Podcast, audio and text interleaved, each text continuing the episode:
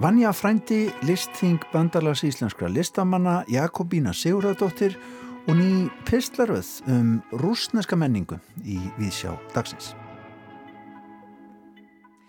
Borgarleikúsið frumsýnir á lögardagleikritið Vanja frændi eftir rúsneska reytuvendin Anton Pavlovits Tjekov. Þetta er eitt af þekktari verkum leikbókmentanna frumsýndi í Moskvu árið 1899 Verk sem að fjallar um brostnar vonir, ólík viðhorf til lífsins og svo margt, margt fleira. Brynhildur Guðjónsdóttir leikstýrir, Valur Freyr Einarsson leikur Vanja Frænda og Gunnar Þorri Pétursson, hann hefur gert nýja íslenska þýðingu á þessu fræga verki. Brynhildur verður gestur okkar í Víðsjá hér rétt á eftir. Við hugum líka að listþingi bandalags íslenskra listamanna sem haldið verður í hörpu á lögadag klukkan 14. Yfirskriftingsins er tungutak listarinnar og tungutakið um listina. Þar munu starfandi listamenn taka til máls og ræða stöðu listarinnar í íslensku samfélagi. Gestur viðsjár í dag verður Erling Jóhannesson, forseti bandalags íslenskra listamanna.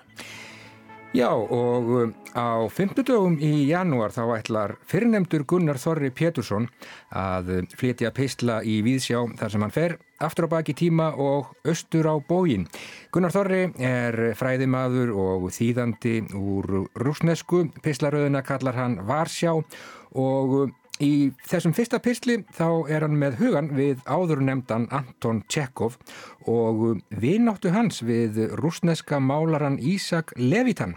Í fyrsta pysli Gunnars erum við sem sé stödd í Rúslandi á ofanverðri 19. öld rúsnest þema hjá okkur í Víðsjá í dag.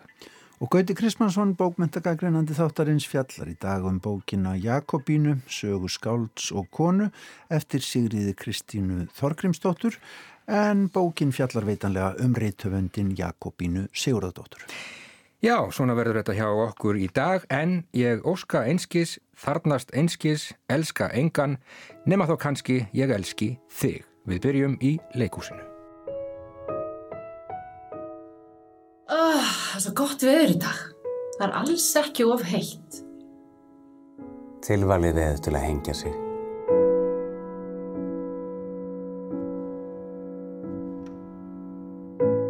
Ég kann best við mig í skóginum. Það finnst fólki skrítið. Ég borði ekki kjöt. Það finnst fólki líka skrítið.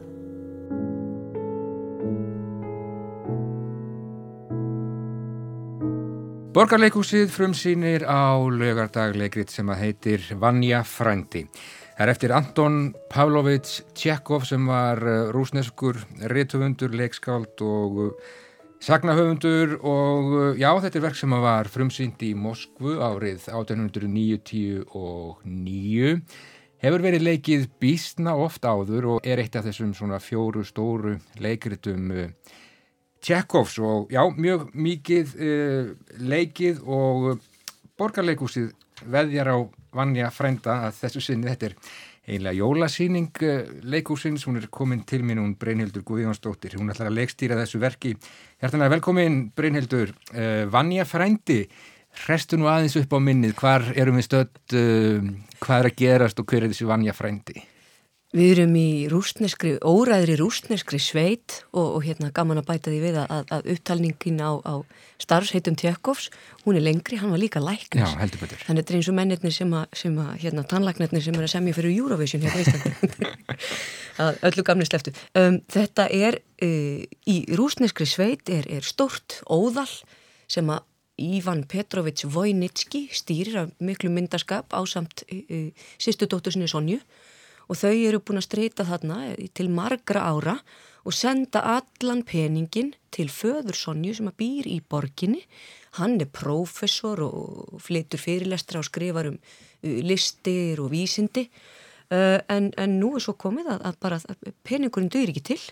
Prófessorinn er mættur á svæðið með nýrri eiginkonu, kottn ungri gullfallegri og, og, og hérna fluggáðari mannesku sem að læriði píjánuleik við, við tónlistarakademíuna í Pétursborg og allt hvaðina það leggst bara alltaf hliðina. Kvöldmatur er borðað klukkan sjö og vannja frændi að því að leikritið faktist heitir bara nonni frændi, hann færi ekki einu svona Ívan, Ívan þýði bara Jón mm. en, en hann færi ekki einu svona nafni sitt heilt í titilinn að því hann leikur auka hlutverki einn lífi. Og hann átta sig þarna á því að allt sem hann held að væri, það er ekki Já, nákvæmlega. Og þarna kemur þessi gamli profesor og það mm. likur ekki til að vel á honum. Nei, það likur bara alls ekki vel á honum. Nei, það likur ítla á honum. Þól, hann þólir ekki lífið í sveitinni, hann þólir ekki þetta hús, eins og hann segir sjálfur, Jóhann Sigurðarsson leikur profesorinn Alexander Serebrekov, algjörlega stórkostlega, hann er bara með siglir inn eins og Titanic, sko, hann er dásamlegur. Um, hann, hann, hann, hann hattar þetta hús, 26 herbyggi sem fólk ranglar um, mann finnur aldrei nokkurt mann. Hvað hérna, sko, þarna er ákveðið uppgjör sem að er óumflíjanlegt og Já. þannig ymmislegt sem að hrjáir þessar manneskjur, þetta er leikrit um brosnar vonir og, og mismunandi viðhorf til lífsins ekki sett. Hvaða, hvaða hérna svona stóru spurningar er Tjekkov að, að fást við í þessu verki að, að þínum að því? Það sem að mér finnst, eða það sem er mjög merkilegt við þetta verk, er það, það er engin, sko, dram, dramatíkin er svo, svo lítil og hún er Já. inni en þetta er náttúrulega stæsta dramatíkin mm. að manneskjan sem að olmast inn í sjálfur sér og vill bara fá að vera svo sem hún er, svo kemur einhver og stendur í vegið þínum og þetta er bara, þetta er risastór harmur Já. og það sem að Tjekov tekst að gera er að sín okkur það grátbróslega í þessari fegurð að vera manneskja Já. og það gengur ekki alltaf allt upp og, og, og, og Vanja frændi er þessi sko stórfenglega andhetja og það er gaman að hérna, sko en Gunnar Þorri Pétursson uh, sem er fræðimaður og, og við rýðum þarna vaði með nýja kynnslóð leikrita þýðenda mm -hmm. beint úr frummálinu uh, Ingi Björg Haraldsdóttir var síðasta þýða úr rúsneskunni En, en það er náttúrulega mjög mikilvægt að hver kynnslóð fari höndum um klassíkina. Já, það er áður Geir Kristjánsson. Og Geir Kristjánsson, mm -hmm. já, mhm. og fleiri hafa þýtt þessa teksta, já. en mjög oft hefur það verið þannig að menn er að taka gamlar enskar þýðingar og þýða þær og þá erum við ekki að fara beint á punktin, þá erum við ekki, að, þá erum við ekki í samtali við það sem höfundur ætlaði sér. Um, um, ég misti aðeins stráðin hvað ætlaði ég að segja? Uh, já, með, með fræðimannu Gunnar Þóra sem er búin að blása okkur andan í brjóst Uh, ég man ekkit hvað ég var. Nei, Nei. það spólum við áfram. Já. Eh, þú hefur sjálf sagt að þetta sé svona já, grátbróslegur rússibanni, tilfinninga og tára. Já, sko, heiðu, nú mann ég hvað ég ætla að segja. Já, þetta er alveg skiptimáli með hérna óþarfa mannin að því að Vanja frændi, hann er algjörlega óþarfur hann er bara nonni og svo er hann frændi einhvers, leikur auka hluturki einn lífi og hann er að stórum hluta byggður á hamlet og, og efgin í ónegin þetta, eru, þetta er óþarfi maðurinn og þetta kemur úr, úr bókmyndum og verki byrjar í rauninni eins og Hamlet. Það kemur maður inn og hann er spurðið jæja, Ívan Petrovit segðu okkur nú eitthvað, hvað ég segja, það er ekkit að segja. Og svo byrjar hann bara að býstnast og, og, og barma sér og, og bölsótast. Þetta er eins og Hamlet það er ótrúlega gaman Já. Við erum öll sníkudýr á Guði Ég dottaði í smá stund og mér dreymdi að vinstri fóturinn á mér væri af öðru manni. Svo vaknaði ég upp með þess að döjöfulegu verki. Æfinlega. Taland um Shakespeare, þú mm. settir upp uh, Ríkard III á síðasta leikári og það gekk uh, bísna vel. Þar fóstu svona kvenlegu leiðina. Mm -hmm. um, þú hefur sagt um um, þína nálgun nú að þú sért að uh, já, skoða þetta leikrið út frá hinnum vinnandi stjættum? Það var uh, eitthvað sem að ég sagði í, í janúar þegar ákveðið var í fyrra já. eða hvena sem það var. Margt hefur breyst. Margt hefur breyst og ég kvarf frá því, Vissu, það er undirtótt sem mm. er til staðar í verkinu. En, en leiðin sem við erum að fara núna, þetta eru allar þessar mannlegu tilfinningar og, og auka hlutverkin skipt ekki síst miklu máli í þessu verki og það er mikið einst í að feta fyrir þau sem að er að halda utanum litlu boltana. Sigur hún þetta Björnstóttir sem móðir vanja, uh, uh, Haldur Gilvason sem hinn sko stórfenglegi Ilja Iljits teljekín, gjaldróta landegandi sem er bara þarna og, og og einhvern veginn bara koðnað niður þegar hann loksins fær orðið, hann hefur ekkit að segja og öll þessi smáu sko, þessi litlu, litlu hlutverk, fóstran sem að Margret Helga Jóhannsdóttir heldur utanum, þetta er þetta, þetta er algjörlega stórfenglegt þannig að við erum að skoða þetta þetta mannlega og, og, og þetta fjöreg sem að, að personutnar, eða leikarnir þurfa að kasta á millisín til þess að líf sé í hlutunum Ángur værðin Ég heyri að þú, þú skemmtir þér konunglega með, með Tjekov. Þetta verið gaman. Já, þetta er búið að vera rosalega gaman. Já, Já.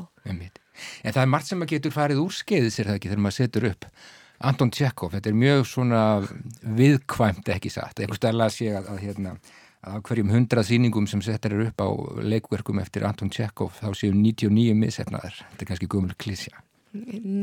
Klísjur eru, eru sannleikur, þess vegna eru það klísjur eins og samóvarinn í, í tjökkoverkum uh, já, það getur allt farið úr skeiðis og þetta er bara þannig og þess vegna er þetta, þetta einstíi og þess vegna tala um fjöröki sem að þau eru að kasta á milli sín leikaratnir það einfaldlega getur allt farið á hliðina.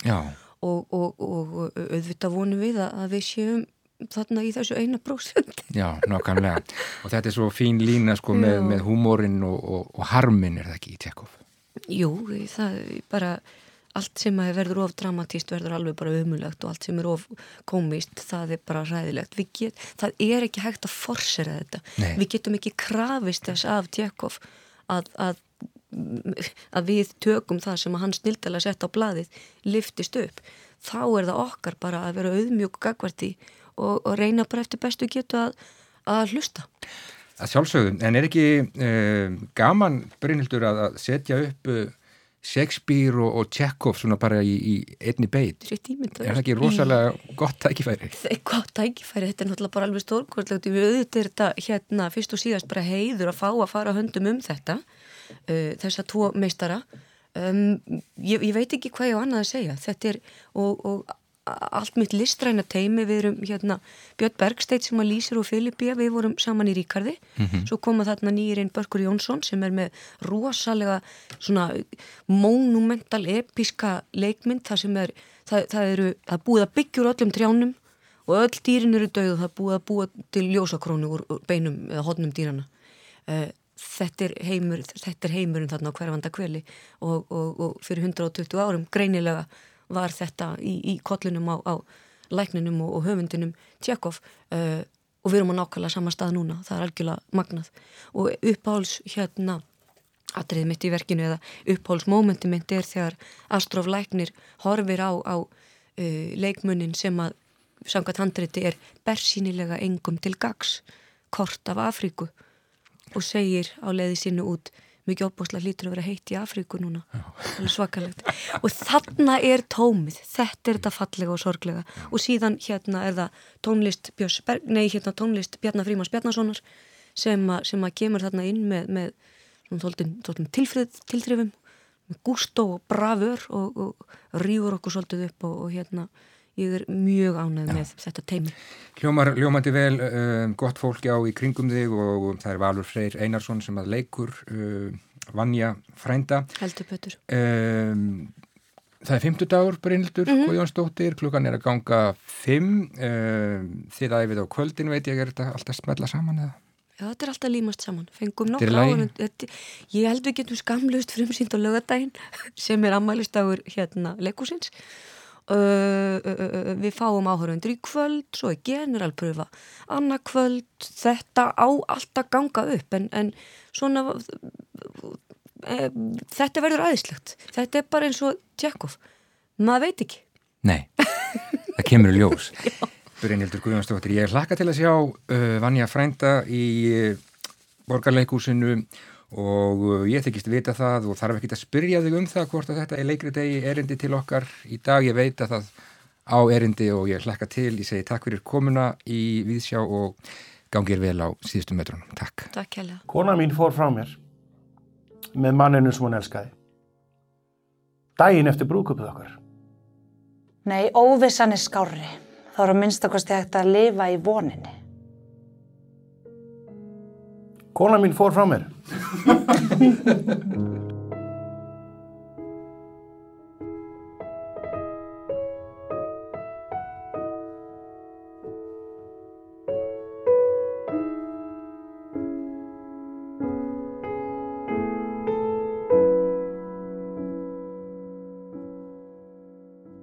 Já, Vanja Frændi, frumsynning í borgarleikúsinu á laugardag, 11. janúar, ammælistegi leikfélags Reykjavíkur, tónlist hérna eftir Bjarnar Fríman Bjarnason. Brynildur Guðjónsdóttir, leikstjóri, klár í slægin, þetta verður æðislegt, segir hún Kók Hraust.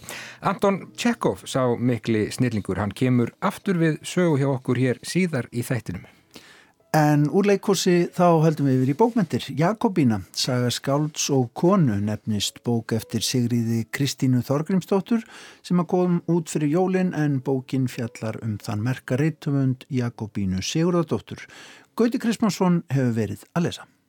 Á veggi Gunnarshúsi, félagsheimili Rittöfundarsambands Íslands, eru andlitsmyndir allra heiðusfélaga sambandsins frá upphafi. Það eru vitanlega stóru nöfnin, Haldur og Gunnar, Þorbergur og Tór, en lengi framanaf engin kona. Það er ekki fyrir inn í þriðju eða fjörðu röða myndunum á vegnum, ég man ekki hvort er, að fyrsta konan byrtist Fyrsti kvenkins heiðusfélagin er útnefndur árið 1990. Konan svo er Jakobina Siguradóttir, viðfangsefni þessara sögu skálds og konu eftir dóttur hennar Sigriði Kristínu Þorgrumsdóttur. Þetta er hins vegar ekki saga skáldsins og konunar einverðungu. Það er miklu meira undir þótt í einsögulegum búningi sé að einhverju leiti. Við kynjumst tíðaranda 20. aldar í afskektustu byggðum á Íslandi, stöðu kvenna í hörðum heimi sjálfstöðstarbúskapar, þar sem feðraveldið er talið sjálfsagt og finnir sér stundum farvegi því sem ég hef kallað ribbaldafrekju, sem er freki kallin í öðruveldi og hagar sér nákvamlega eins og honum sínist í krafti valdsíns sem húsbóndin á heimilinu og allt má og getur. Tengdafæður Jakobínu er klassíst dæmi um þetta, en við þekkjum þessa típur allt frá Íslandingasögum eða sjálfstæðu fólki. Við sjáum þær enni í íslensku viðskiptalífi. Þetta er líka sagum þolgjaði hvenna anspænist þessu valdi og ofur skildum heimilishalds á tæknilegsum tímum, innan hús sem utan. Brefin millir þeirra maðurna, Jakobín og Stefáníu, bera þessu stert vitni, eða það sem til er af þeim, því Jakobína vildi farga eins miklu af slíkum persónlugum gögnum og hægt var áður hún lest og fekk mér þessi höfundin og sakfræðingin til að brenna dagbækur og fleira. Nokkuð sem hún átelur sig fyrir í upphafi bókarinnar því hún verður núna að skrifa móður sína án vega mikill að gagna sem til voru en eru nú glötuð. Segja má að höfundur takist á við þessar eigður af þolgæði, hugmyndaríki öllu heldur, því ramminutunum frásögnina er skaldað samtal þeirra maðgna, Jakobín og Sigriðar, þar sem þær takast á um frá hverju megi segja hvað sé engamál og hvað megi ofinbert vera. Þetta varpa líka ljósi á breyttan tíðranda, munin á 20. öld og þeirri 21. Á þeirri fyrirnemdu lág margt í engalífinu í þagnargildi, sérstaklega ef það var vond eða ílt, en einnig hreinlega fjölskyldulíf almennt. Núna erum við hins vegar orðin fullkomlega gagsæ og allir vita allt um alla á allt annan hátt en þeir gerðu í dreifbílinu forðum daga. Bókmyndir samtímans eru þessu marki brendar, sjálfsögur, játningar og annaði þeim dúr veitir skálskapnum harða samkeppni.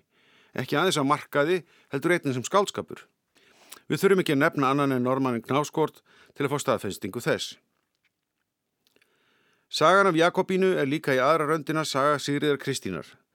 Ekki að því leiti hún sé að reykja sin eigin æfi þráð nema það sem hann tengist Jakobinu beinlýnis á æsku árum, heldur í sambandi þeirra maðegna í gegnum frásögnina Samtali við móðurinn að látna og undir loki nokkus konar uppgjör móður og dóttur sem reyndar er undir stjórn dótturinnar þar sem hún heldur á pennanum. Þessar forsendur æfisögu, æfisögum sem er með fræðilegt apparat, mörg hundruð aftarmálskreinar og heimildaskrá, eru þannig nokkuð sérstakar. Því þótt bæði einsögur og sjálfsögur séu velþægt fyrirbæri innan sakfræðinar eru þau kannski ekki orðin hluti af meginströmmnum í slíkum skrifum. Vinnan með eðurnar tekur að vissuleiti á sig form sakfræðiskrifa sem yfku voru átjóndöldi í Európu og kvöldu voru conjectural history, tilgátusaga eða rögleislusaga öll heldur. Því hún byggðist á því að nota rökhyggju til að draga álíktanir af staðarendum til að fylla upp í eður sögunar þeirra á milli. Þetta var líka stundu kallað philosophical history eða heimsbyggileg saga. Við þetta bætist auðvitað að höfundurinn er barn viðfangsefnisins og hefur aðganga fjölda lifandi heimildarmanna til að spyrja og fylla upp í eðunar með þeim hætti. Rögleislu sagan byrtist hins veri innskotum úr almennri sögu um kreppuna, stríðið, kaldastríð og fleiri þeim dúr sem tengd eru verðandi og gjörðum personana sem fjallaður um hverju sinni. Mesta þeirri sakfræðir almenn þekking vitaskuld en hún er nýtt til að búa til sjónarhorna personur og atbyrði. Það er einnig tiltekinn vilji til að nota þemu í blandið vissa kronológi sem er í sögunni. Henni er skipt í tvo hluta, sá fyrir heitir Hortstrandir, Holtin, Reykjavík 1933 til 1948 og sá síðari Garður frá 1949. En kronológian er samt látin lönd og leið innan þessara hluta.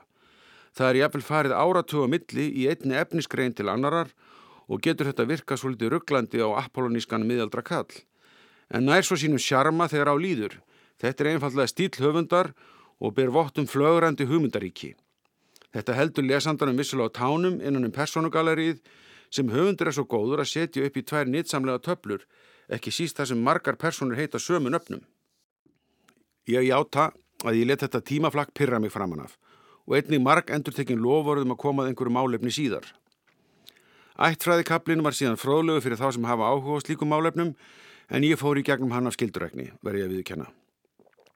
Þó vil ég taka fram að alls ekki má vanmetast líka kabla í frásögn sem á að hafa vægi. Það nennir heldur engin að lesa eintóma flugelda.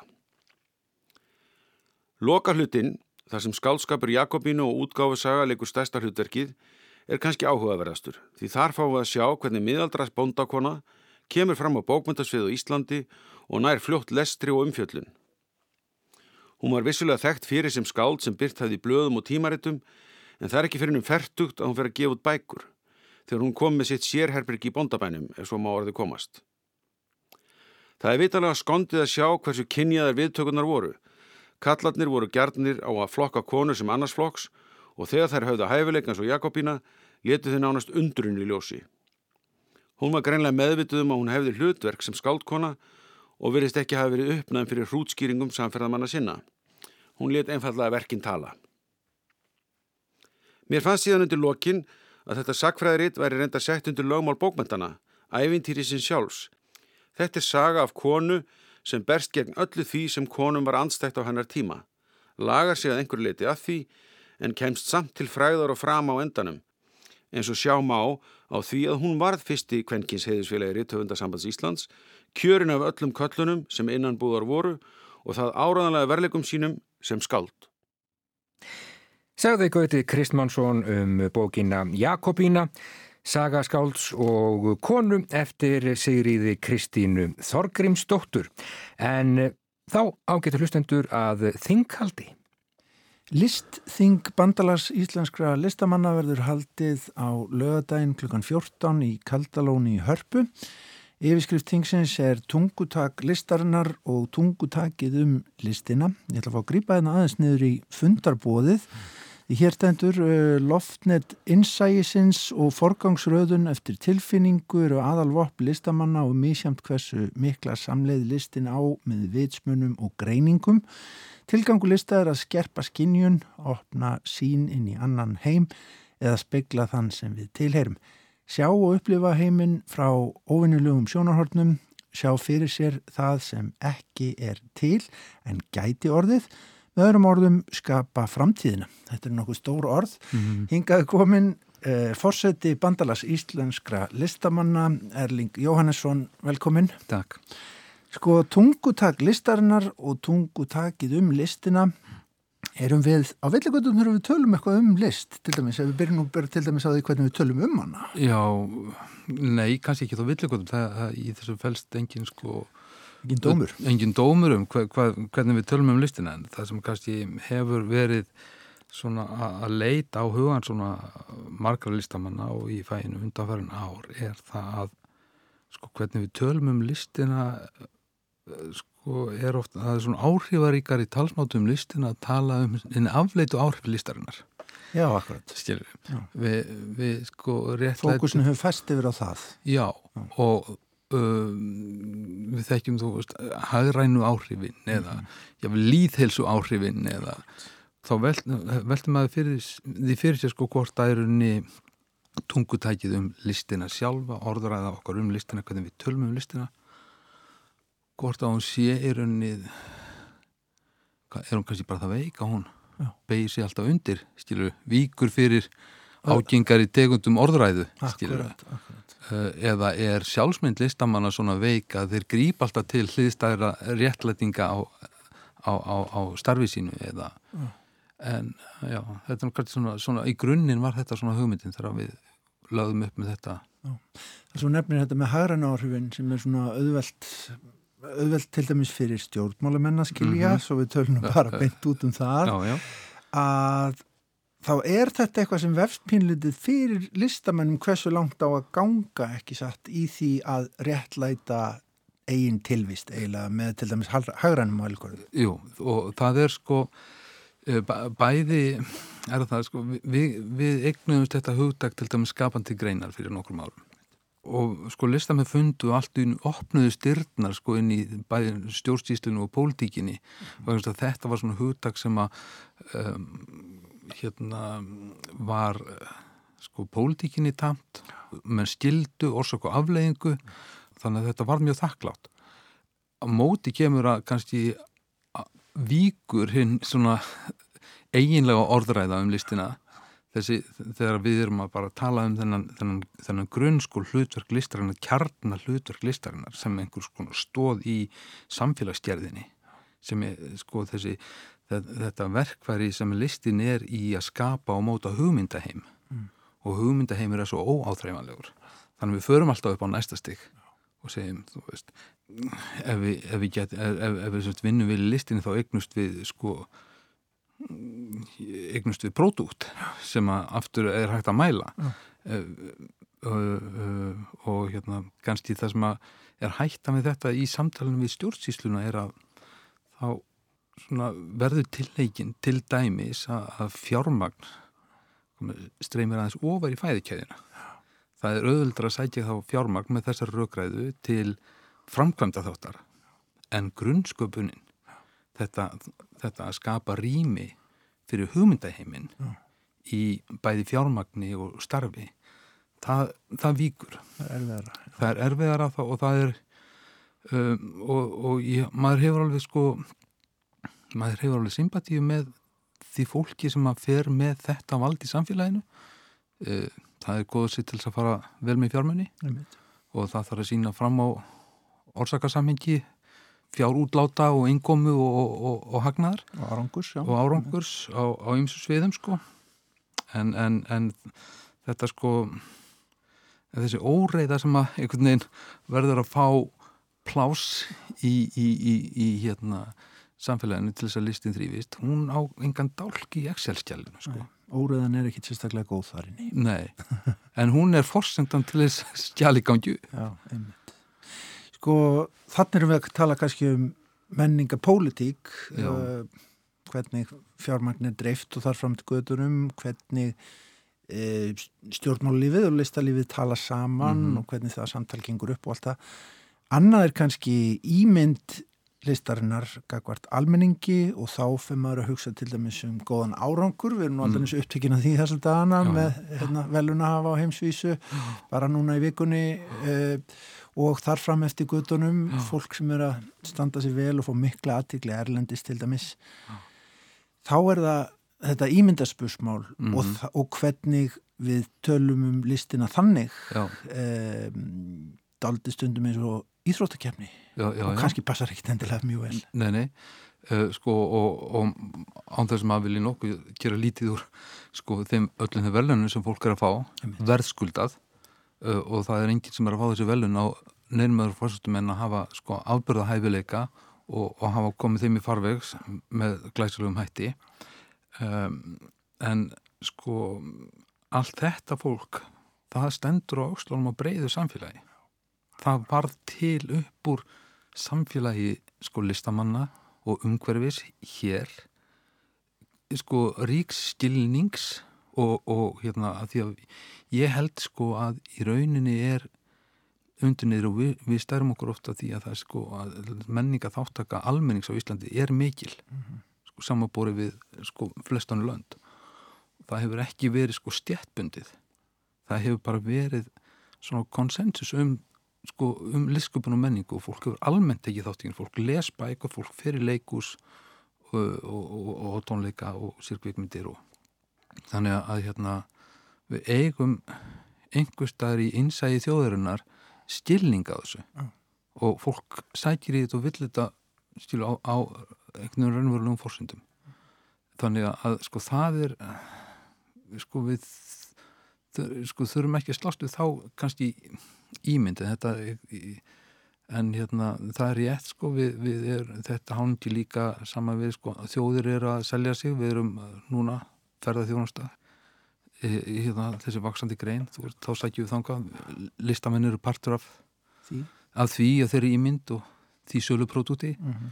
við höfum, við, þetta byrtist með svo mörgum hætti, þetta byrtist líka í, í sko svona pólitískri menningastefnu uh, með þeim hætti til dæmis að, Sveitafjölu og Ríki setja sér sko skiliði fyrir útlutunum mm. kynjákvóta sko hérna alls konar svona pólitísti réttuðugsandi hugtökum mm -hmm. skilur sem að listamenn verði uppbylla mm -hmm. sem að eru hérna svona er almennu almennu sáttmáli um sko manna á millum en, mm -hmm. en við getum líka sagt ég menna það hefur alltaf verið eða listarinnar hreinlega vaða gegn því.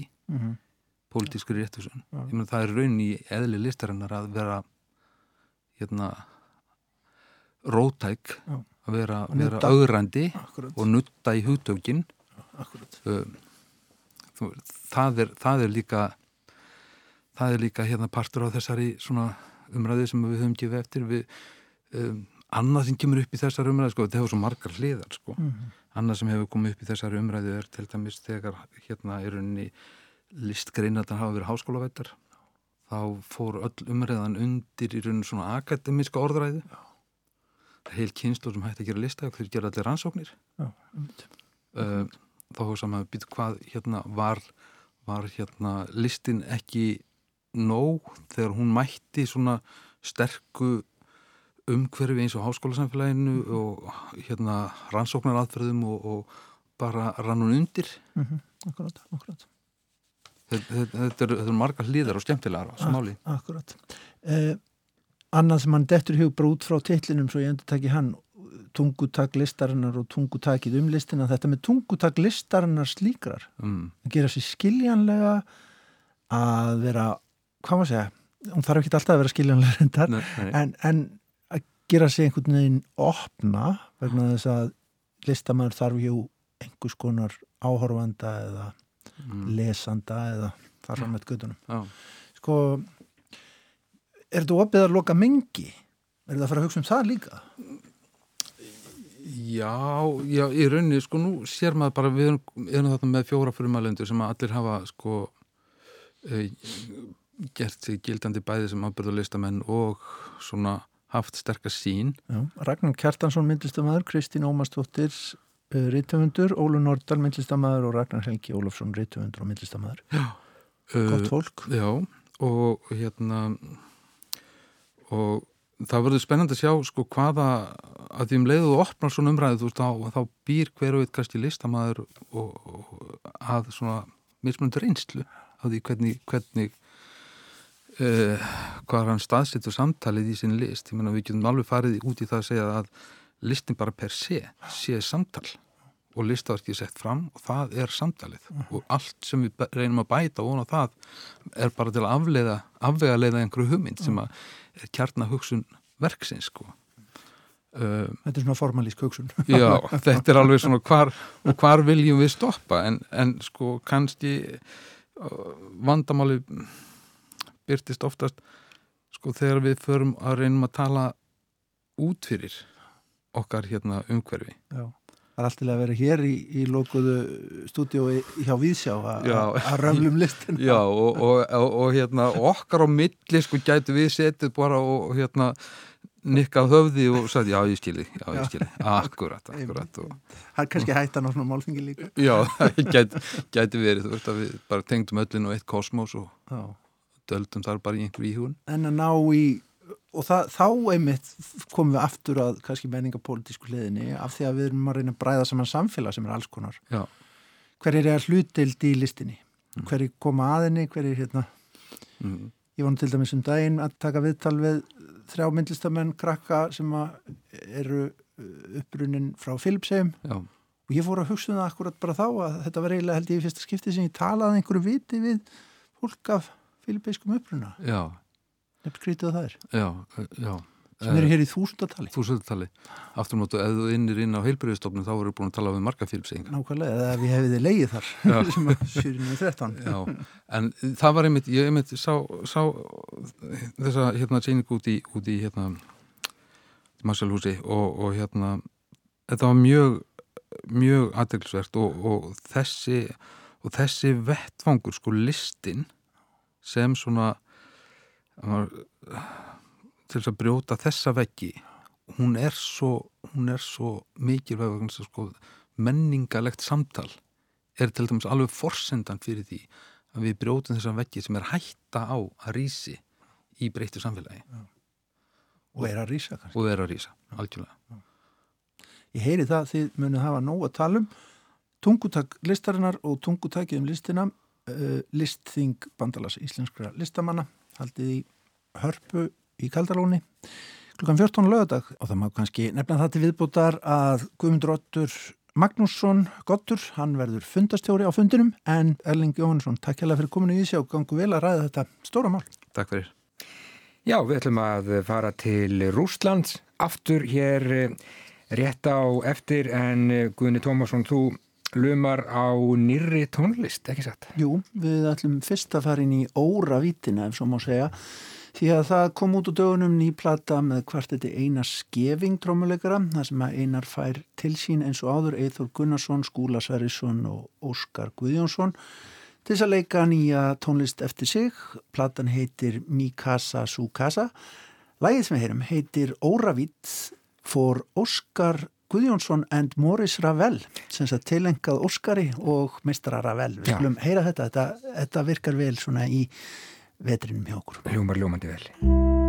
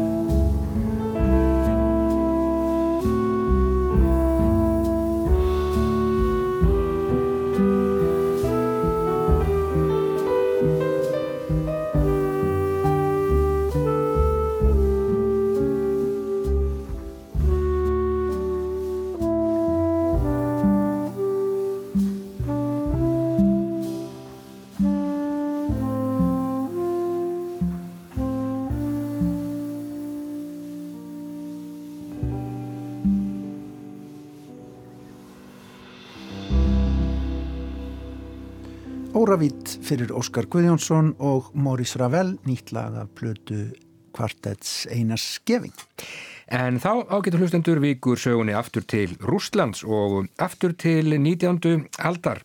Á 50. í janúar þá ætlar Gunnar Þorri Pétursson að flytja pistla hér í Víðsjá þar sem að hann fer aftur á baki tíma og austur á bóin.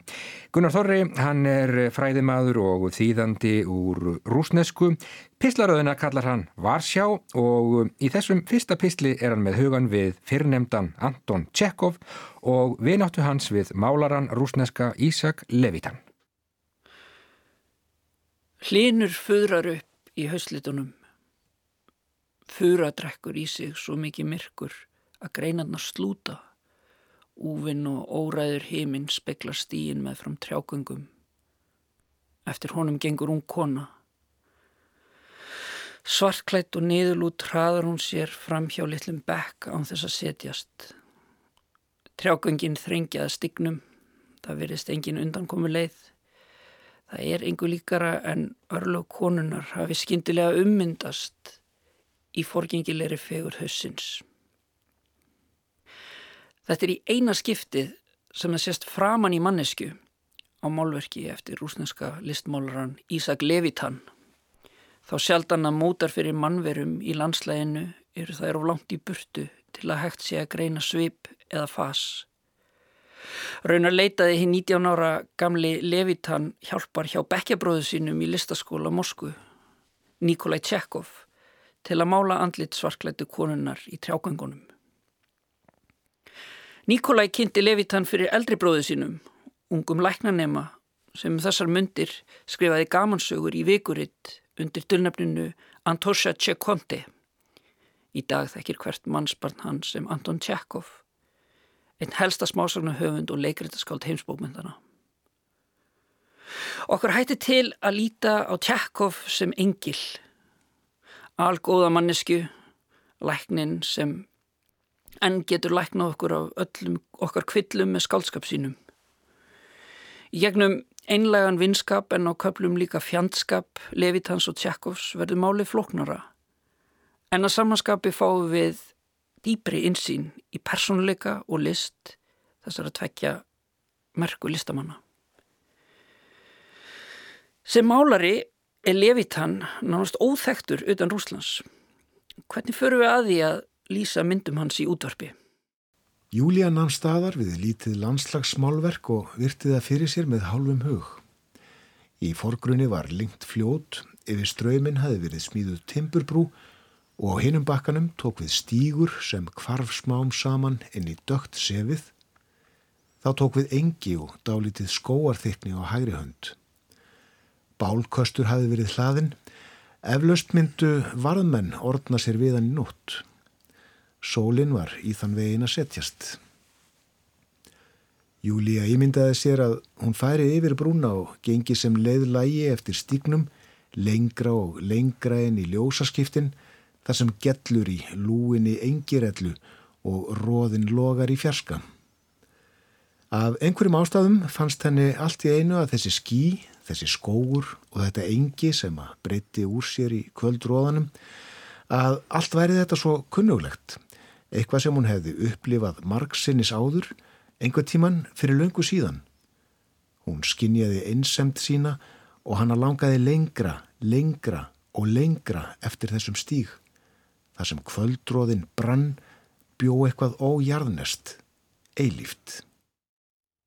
Það er augljóst að þessi lýsing, tekin úr sögunni árinni þrjú eftir Tjekov, er byggð á oljumálverkinu Kirlátt Klustur eftir Levitan. Lýsingin miðlar í engar vel hver látlaus en yfir skilvilleg verk Levitans geta orkað á áhöranda sinn. Og um leið er hún til mark sem hver margt Tjekov lærði af vini sínum. Stuttar gamansögur taka lengjast og fá alvarlegri undirtón og nú er hann einnig farin að sjá heiminn með augum málarans. Segja má að Tjekov hafi málað fólki sem vantar á myndir Levitans. Að samaskapi reyndist hann málaranum stóð og stitta á erfiðum stundum. Þegar Levitan reynir að fyrirfara sér er það Tjekov sem kemur honum til bjargar. Hvað er títt krokodíl var Levitan vannur að segja þegar hann heimsótti vinsinn.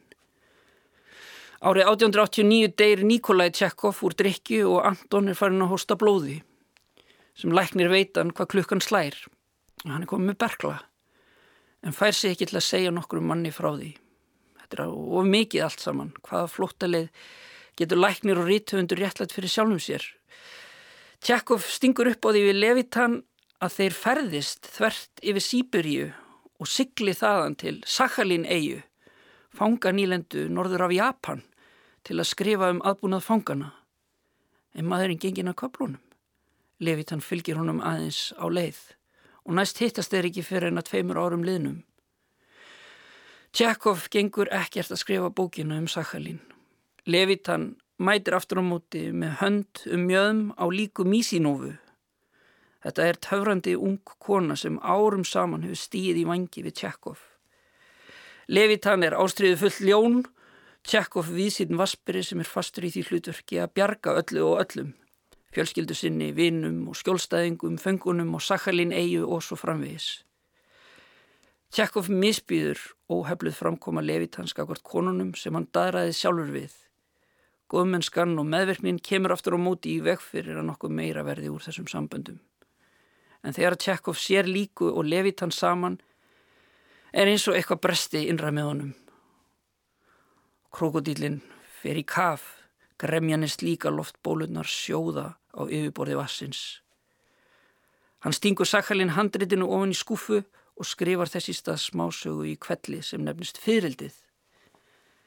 Sagan fjallar um heiðvirtan lækni og létt úðu að konu hans sem heldur framhjá með yfirbúrskendum og sjálfumglöfum landslagsmálara sem siglir upp og niður volku í leita réttu augnabliki til að mála. Einvíu og meðirðamáli er afstýrt á síðustu stundu, Tjekov Levitan talast ekki við í þrjú ár. Báðir er orðni þekktir í listalífi Moskvuborgar og fyrireldasagan flýgur. Með þessari smásögu splundraði Tjekov raunar vinahópi sínum. Um leið markar fyririldið á samt smásögunni stofu 6 kaplaskil á ferli hans. Í kjölfari fylgja konar með hundin og aðra smásögur sem að halda nafni hans á lofti en þann dag í dag. Hitt framlag Tjekovs til heimsbókmyndana, leikritaskrif hans, hefjast fyrir alvöru með mávinum. Tjekov er innmitt að skrifa leikriti þegar að levit hans setur sér í samband við hann á ný. Fyririlda áhrifin hafa fjarað út og það verða fagnaði fundir þegar að gamlir félagar endur nýja vinskapin. Skömmu síðar fær Tjekov bref frá ókunnri konu sem grátt byður hann um að koma. Málarinn Ísak Levitan hafi reynd að skjóta sig fyrir framannana. Hann leikir nú með höfuðið vafið í sárabindi og vil ekki tala við neitt nema vinsinn Anton Tjekov. Eftir að hafa hitt Levitan og talað hann út úr sjálfsmorðinu fer Tjekov heim og reykur smiðsökið á mávinn. Það sem listamæður reynir að skjóta sig fyrir framann unnusti sína og sést næst á sviðinu með sárabindi vafið um höfuðið. Levitan hafði ekki úttalt til að fara í aðra fílu út í vinsinn. Félagarnir sem forðum daga höfðu farið saman á veiðar og kvennafar skiptast nú á upplýsingum um heilsuhæli. Hjarta hann slæri ekki, það veinar, skrifar Tjekov um ástand vina síns 1897. Undir lokin flist Levitan meira að segja til Tjekovs á Jöldu við Krímskaga og meðan þeir sitja og spjalla í stofunni á kvöldin málar Levitan lítil málverk sem æsíðan skipuðu sérstakann sess í hjarta Tjekovs. Þú getur ekki tekið augun að þeim, skrifaði hann. Þú heldur bara áfram að horfa og horfa á þau. Tærleikinn og einföld framsetning hinstu verka Levitans er einstæð og verður að mínu viti aldrei nokkuð tíman leikin eftir. Tjekov og Levitan voru báðir fættir 1860 og dóu með nokkra ára millibili langt fyrir aldur fram. Levitan kvatti aldamóta árið 1900 og vantaði þá aðeins nokkra mánuði í færtugt. Tjekov lést tæpum fjórum árum síðar.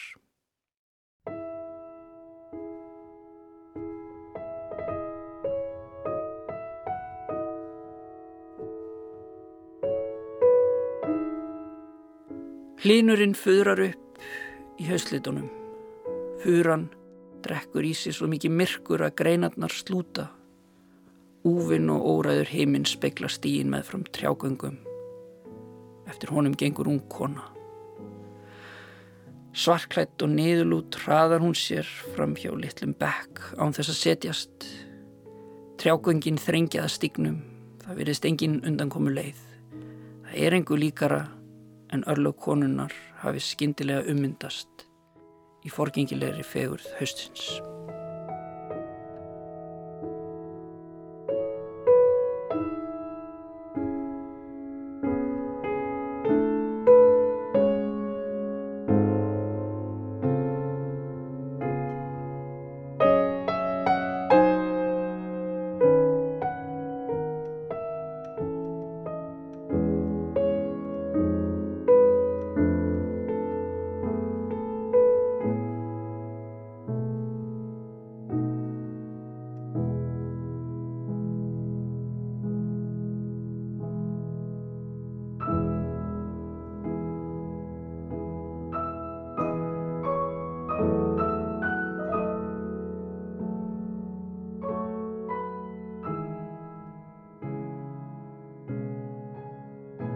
Gunnar Þorri Pétursson flutti fyrsta pistil í nýri pislaröð sem að hann nefnir Varsjá.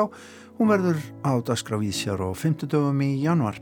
Á eftir pislinum heyrðum við stef eftir Bjarnar Fríman Bjarnarsson úr síningun borgarleikursins á leikriti Antons Tjekovs, Vanja Frænda sem að Gunnar Þorri þýtti og frumsynd verður eins og framkom hér fyrir í þættinum á lögataskvöldið næstkomandi. Já, en þetta er búið hjá okkur. Við ættum náttúrulega hvaðja á rúsnesku í dag en við segjum bara þessi stað verið sæl. Verið sæl.